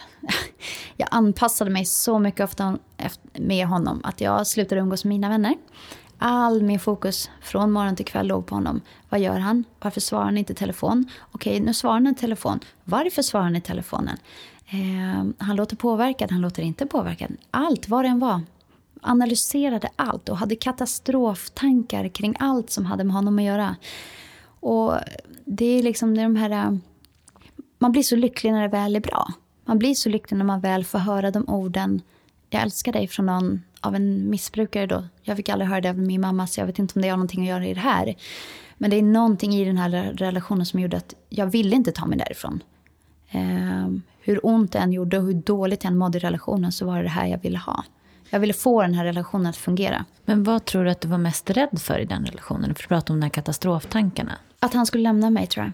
Eh, att inte få honom att leva med mig. Det var, det var, jag försökte ju ta hjälp då, då från en, eh, en eh, terapeut. Då. Och eh, hon frågade mig så här, har du sagt till honom bokstavligen, eller har, du, har ni gjort slut? Ja, det har vi gjort många gånger, han kan dra åt helvete, säger jag. Ja, men nu ställer jag frågan, har du gjort slut med honom? Har du sagt till honom att det är slut, det är över, det kommer aldrig bli du och jag igen? Och jag klarade inte av att höra henne säga de orden, jag fick panik. Eh, utan det var väl mer för mig att hålla den här, den här makt och kontrollkänslan. Att säger jag eh, du kan dra åt helvete, jag vill inte veta av dig något mer. Så var det mer en kontroll från min sida att försöka få honom att komma mig närmre. För det var inte det jag ville, det var någonting jag sa. För att jag var desperat för att jag ville ha honom närmre. Så att allt var ju bara ett spel från min sida. Jag var inte ett dugg redo att släppa taget om honom. Och jag ville inte det heller. Jag ville ju få den här relationen att fungera. Jag ville ju ha honom drogfri. Eller så ville jag ha honom, han kunde vara många gånger jag sa du kan bara sitta och knarka hemma. Så han gjorde det ett par gånger och satt hemma i soffan. Men eh, jag kommer ihåg att jag var lycklig. Men jag var jätterädd på insidan. Jag skakade och hade hjärtklappning. Jag tyckte det var fruktansvärt obehagligt att sitta och se honom. Bara sitta där hemma och vara påtänd att vara nykter. Men jag känner hellre det och att han är med mig än att han är ute. Det var liksom anpassning i allra högsta grad till allt. Men den här terapeuten, hur mm. kom det sig att du, att du gick... För jag antar att du sökte upp den här terapeuten. Och vad var det för form av terapi du hamnade? Eh, jag hade hört talas om... Eh, eller om jag sökte på nätet, tror jag. Jag kommer inte ihåg hur jag kom i kontakt med, med... Jag började söka om det, eller om någon person rekommenderade mig. Så läste jag någonting som heter relationsprogrammet. Eh, och jag kände, gud, det här är ju precis det jag behöver. Ehm, så då började jag, så ringde jag dit och, så fick jag komma dit. Och så får man då göra en, lite som en intervju där de tittar var, om man uppfyller alla kriterier för att få börja där. Då. Och då är det 15 saker man ska uppfylla. Så efter fyra frågor tog hon ifrån sig pappret och så log hon bara och så sa hon, du är välkommen till programmet Alexandra, sa hon. Eh, och jag började gå sen och så sa jag det att eh, alltså, jag, hade, jag och den här killen hade fått ett barn tillsammans. Eh, jag kan dra det också lite kort att eh, först hade vi fått, vi började prata om, han pratade väldigt mycket om att vi skulle skaffa barn, han ville ha barn och så här och jag kommer ihåg att jag kände mig väldigt rädd i början att jag tyckte att nej fy, inte med narkoman. Eh, och då sa det, men inte så länge du tar droger, sa jag. Och sen så höll han upp tills jag var i vecka 24 tror jag, eller något sånt där, när det är för sent att göra en abort. Och då satte han igång så att han visste att han hade greppet tag om mig, att jag inte kunde lämna honom då. Eh, och eh, vi fick det här gemensamma barnet då. var ju lika illa under tiden också, innan jag fick barn då, att han var ute och festade. Han kom aldrig hem, eller så kunde han dyka upp efter en månad, öppna upp dörren och säga hej hej. Precis som gubben i lådan och inte svara i telefonen eller någonting. Eh, och jag bestämde för att jag vet vad jag har varit med om och jag skulle inte utsätta min son för det här. Eh, så jag sa det till honom, du har fram till tills vår son är född. Sen, sen skiter jag i det Och det var någonting, det var verkligen det jag kände. Jag skulle aldrig utsätta min son för det jag själv har varit med om. Eh, och eh, födde vår son. Han var med inne på förlossningen. Eh, så tre timmar efter att min son kom ut så lämnade han mig ensam på BB. Han eh, tog med sig mina dörrnycklar, mitt kontokort, min telefon. Allt så att jag inte kunde ta mig därifrån utan jag skulle vara kvar där. Tills han hade varit ute och festat färdigt. Eh, men jag försökte, eh, och de på BB sa ju det när det gått två dygn liksom att ehm, nu är det dags för dig att åka hem. Och jag kommer ihåg jag var så rädd när jag var där uppe. Att ha ett eget barn och inte veta hur man skulle göra. Han var borta. Mina tankar var ju bara på honom hela tiden. Och jag grät och jag spydde av ångest. Jag hade så ont i magen. Eh, det var så mycket känslor när jag var där uppe. Och, och jag kände det att det här, det här är inget liv jag vill ha. Jag måste ta mig ur det här. Jag vill inte, men det gick inte. För det, han var det enda som snurrade i mitt huvud. Det var liksom, han var beroende av sitt kokain och jag var beroende av honom. Det var precis samma känsla. Och jag kände att jag måste ta mig ur det här. Eh, så när han väl, jag fick ringa till hans pappa, kommer jag ihåg. Jag fick låna telefonen på BB. ringde till hans pappa och sa att eh, har du möjlighet att hämta mig? Din son är borta, jag kommer inte hem. Eh, han kommer att hämta mig och då hade han ringt till sin son då. Så han, båda två kommer att hämta mig. Eh, och så kör han hem oss till lägenheten där vi bodde tillsammans då. då. Och sen så på morgonen efter så, så sa jag till honom att nu är det slut, det är över. Jag kommer inte att leva ett liv tillsammans med dig när du är i det här skicket tillsammans med våran son. Eh, och den kraften vet inte jag var jag fick ifrån. För det var någonting som jag verkligen menade och så vart det. Han, jag packade ihop hans saker, jag ringde hans pappa och vi bestämde att han skulle flytta ut dit och, och ta tag i sitt liv. Men eh, så vart det ju inte, utan han fortsatte ju missbruka och jag klippte kontakten med honom. Jag tog bort mitt simkort, bytte telefonnummer och så att han inte kunde få tag i mig. Utan jag kände att jag måste här, ge det här en chans att gå under jorden. Och på det sättet sökte jag mig till den här personen. Då, då. Eh, så började jag sakta men säkert prata med henne. Eh, och eh, eh, hon fick upp ögonen för mig när hon förklarade saker för mig som jag inte kunde förstå. Eh, hon är en människa som är guld värd i mina ögon. Som jag, när jag ser människor som var och mådde så som jag mådde för många, många år sedan så brukar jag ge numret till henne och säga att det här, prata med henne så kommer du förstå. Eh, som, är, som satt in mig på relationsprogrammet där man då får förståelse för varför man söker sig till sån här typ av missbrukare. Eh, vad det är som gör att man kan släppa taget och allt det här. Och vad var det som, som gjorde att du sökte dig till den här? Eh, nej, men det är ju det här att man har en typ av uppväxt. Man är uppvuxen med en alkoholist. Och när man inte har rätt ut det färdigt så gör det att det är det man söker till sen, för det är det enda man känner till. Det är den enda typ, är man uppvuxen med kaos, ja då är det till kaos du söker dig. Är du uppvuxen med mycket saker omkring dig så du blir stressad av när någonting är lugnt och skönt och harmoniskt. Då börjar du undra varför är det lugnt för? Varför händer ingenting för? Varför är det så lugnt? Och när det är kaos, då blir det nästan som att du är lugn. När det händer mycket saker runt omkring. Det är slagsmål och det är bråk hit och det är då är det nästan så att du blir lugn i det för att du är så van. Det här gjorde att det växte, jag växte väldigt, väldigt mycket som människa och jag kunde förstå saker på ett helt annat sätt eh, än innan. Vilket gjorde att jag fann styrka i det, att kunna sen... För han la in sig på ett behandlingshem efter ett tag. Då, då. Och sen, han hörde av sig efter två år, så ringer han mig en dag. Och eh, då hade jag blivit stark av det här programmet och jag hade gått hos henne på sidan av. Och, men sen när jag hörde hans röst så föll hela världen samman igen. Och mina tankar började igen.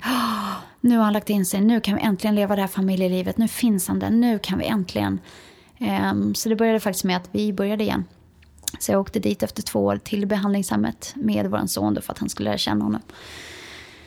Eh, men han var ju samma gamla sjuka människa. Det fungerar ju, en människa blir inte frisk bara för att hon lägger in sig på ett behandlingshem och alkoholen försvinner eller drogerna försvinner i kroppen. Då har ju fortfarande hjärnan att jobba med. Det är ju där du fortfarande är väldigt sjuk. Eh, och det förstod inte jag. Väl där började jag förstå hur pass sjuk jag var. Och hur eh, mycket skuld jag la på honom. Att det är hans fel att jag mår dåligt. Och det är han och det är han och det är han. Eh, och jag hade hört på vägen under hela den här resan med honom att jag borde gå på ett medberoendemöte, sa de. Du är medberoende. Och jag tänkte bara så här, vadå medberoende? Jag är inte medberoende. Det är han som är alkoholist. Det är han som, det är han som gör mig förbannad. Det är han, det är han. Så att jag hade någonting i bakhuvudet om det också.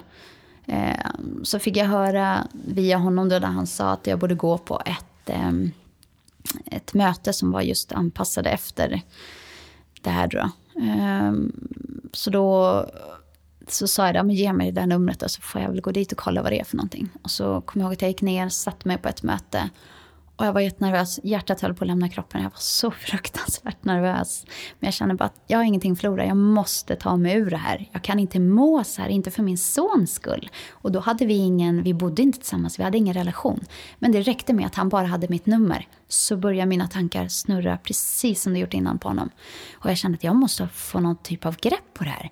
Men varför tror du att du var så nervös när du gick ner liksom, på det här mötet? Det var så mycket eh, känslor i kroppen. Dels att vad skulle hända där inne? Eh, skulle det förändra någonting? Skulle jag släppa taget om honom då? Ville jag släppa taget om honom? Tänk om jag aldrig mer skulle leva med honom? Tänk om vi skulle leva tillsammans? Det var så mycket tankar.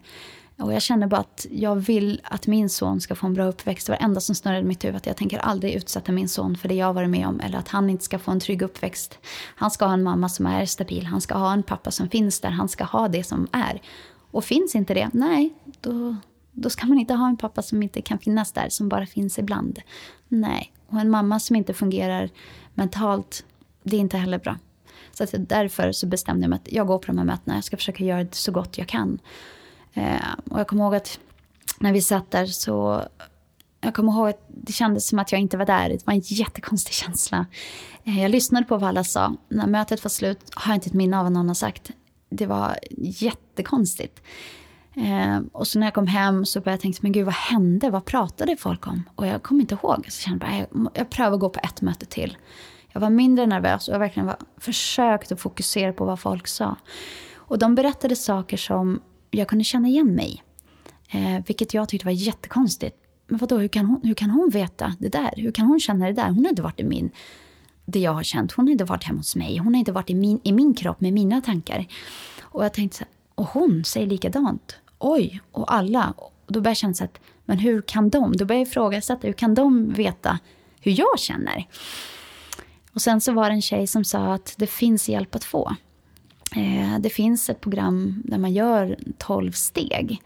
Eh, och med det då satt hon och berättade om att det har förändrat deras liv. Och att de kan hantera situationer idag som de inte kan hantera annars. Och jag känner att gud, om det verkligen finns minsta lilla chans till att jag kan hantera den här situationen som jag sitter i så är det guld värt. Vi prövar. Så jag gick fram till en tjej som räckte upp handen och frågade om hon ville bli min sponsor. Och det ville hon. Ehm, så vi satte igång med de här 12 stegen. Det var inte lätt. Eh, det tog ett tag. Ehm, men jag gjorde ju så gott jag kan där jag var just då. Och det, jag var inte så pass redo till att göra det hundraprocentigt. Utan jag gjorde så, så gott jag kunde just då. Eh, så jag gjorde de tolv stegen. Men jag märkte att det hjälpte inte mig någonting. Och jag frågade min sponsor varför. Jag har gjort de här tolv stegen. Varför fungerar det inte på mig? Ehm, och då sa hon det att det tar tid. Ehm, så vi behövde göra om stegen en gång tror jag och sen så gjorde vi om vissa steg och några andra. Men sen började det sätta sig. När jag förstod att de verktygen som programmet kunde ge mig, som gjorde att jag kunde hantera min situation med min mamma, med min syster, kunde vara på jobbet eller var, med vem eller vad som helst, vilka situationer eller personer som helst. Det gjorde att jag kunde hantera mitt liv på ett helt annat sätt. Och det var en fruktansvärd befrielse för mig. Men varför tror du att det inte fungerade när du gjorde det först? För jag gjorde det inte för min egen skull jag gjorde det för att jag kunde hitta ett verktyg att kunna kontrollera min sons pappa. Eh, att jag var där av fel anledning. Jag var där för att jag ville få hur jag skulle kunna manipulera honom ännu mer. För att om jag får verktyg här, då vet jag hur jag ska anpassa mig efter honom. Så att vår relation kan fungera. Jag gjorde det inte för min egen skull. Jag kunde inte förstå att det han, vad han än gjorde så behövde inte jag må dåligt av det jag kunde inte förstå att allting handlade om mig, att det inte handlade om honom. Det var helt oväsentligt om han knarkade eller om han drack, om han var nykter eller om han var arg, om han var glad. Det spelar ingen roll, jag ska inte vara glad efter honom. Jag, mitt mående ska inte anpassas efter honom, det ska vara efter mig och mina beslut. Och det tog jättelång tid för mig att förstå det. Men eh, många möten och en stark sponsor med, med hårda tag. Eh, så gick det. Och idag så mår jag jätte, jättebra. Och jag kan hantera situationen med min sons pappa på ett helt annat sätt idag än vad jag kunde då. Ehm, och det är många situationer, det kan jag använda i allt. Om det är någonting som händer på, ja, på vägen från jobbet, eller på jobbet, eller med en kompis, eller vad det än är, så kan jag använda de här verktygen från programmet. Det är helt fantastiskt. Det, är det. det låter som du ändå fick det där som de pratade om i, mm. i gruppen. Liksom. Mm. Men nu har vi ju hört lite bebisröster här. Mm. Vad hände med ditt liv sen? För att jag antar att eh, det var slut där med den här mm. killen. Mm. Jag fick ju börja med att acceptera att eh, det här är inte det livet jag vill leva. Utan det är att jag kan inte leva med en som pass sjuk människa som inte vill, som vill tillfriskna. Och han gör ju det i sin takt. Utan då fick jag göra ett val att nej, jag vill gå vidare, jag vill bli lycklig, jag vill leva ett familjeliv, jag vill ha en bra partner som är en bra förebild till min son. Eh, så då bestämde jag mig för att släppa taget om honom och börja gå vidare. Så jag bestämde mig först att lägga ner all energi på programmet. Jag tror det var åtta månader tror jag som jag bara var aktiv i programmet och jobbade och tog hand om min son. Innan jag träffade ingen eller gjorde någonting. Utan verkligen nu ska jag göra en investering för mig själv och mitt liv. Som gör att jag blir lycklig. Eh, så då gjorde jag det. Och sen eh, började jag träffa en kille som jag hade känt i, i många, många, många år. Där vi började umgås lite mer privat. Eh, och så väckte det känslor. Och så inledde vi en relation. Och idag har vi ett gemensamt barn ihop. Men här fanns det inget missbruk eller så? Nej, hans mamma hade det. Var ju alkoholista och eh, hon tog livet av sig i en överdos. I ett och ett halvt år sedan. Ehm, så det var någonting vi fick gå igenom då. Stänga av respirator och sådana här saker. Hon var ju hjärndöd då av syrebrist då.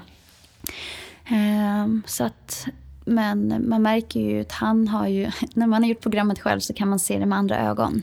Att man ser vissa saker som ehm, är lite medberoende. Sådär. Han vill gärna inte ta diskussioner utan han, han är mer ja, ja, men det blir bra. Väldigt snäll och så, så att man får ju säga till honom, men vet du, om du inte tycker det, då är det okej okay att säga ifrån. Man behöver inte tycka lika. Liksom. Så att eh, programmet har gett mig fantastiska verktyg. Och eh, att se när en, en människa blir medberoende till mig var en jättekonstig känsla innan jag förstod att men gud, han är medberoende till mig. Och hur jag ska an, liksom, anpassa mig till det och hur jag ska... Eh, det var också jättekonstigt i början, men man lär sig. Med, man har ju sin sponsor med sig, så det, är, det är ett telefonsamtal bort. Så att man har ju den vägledningen hela vägen. Men vad har du för relation till din syster och din mamma idag? Eh, min mamma är idag döende i levercirros. Hon fick en dödsdom för eh, två år sedan. Då. Eh, jag valde under de här tolvstegsprogrammen att ta avstånd från min mamma. Jag kände att det är en människa som är väldigt, väldigt sjuk och gör mig sjuk. Jag kan inte hantera den situationen med henne. Så att jag valde att jag mådde bättre av att inte ha någon kontakt med henne överhuvudtaget. Eh, vi har väl aldrig haft en direkt relation så det var ingenting som jag saknade heller. Utan det var inte så svårt val. En annan gång när vi pratade så var det bara att hon spydde galla över mig och talade om för mig hur värdelös man är. Och jag kände att jag behöver ingen sån människa i mitt liv. Och det förstod jag med programmet att jag faktiskt har ett eget värde i mig själv.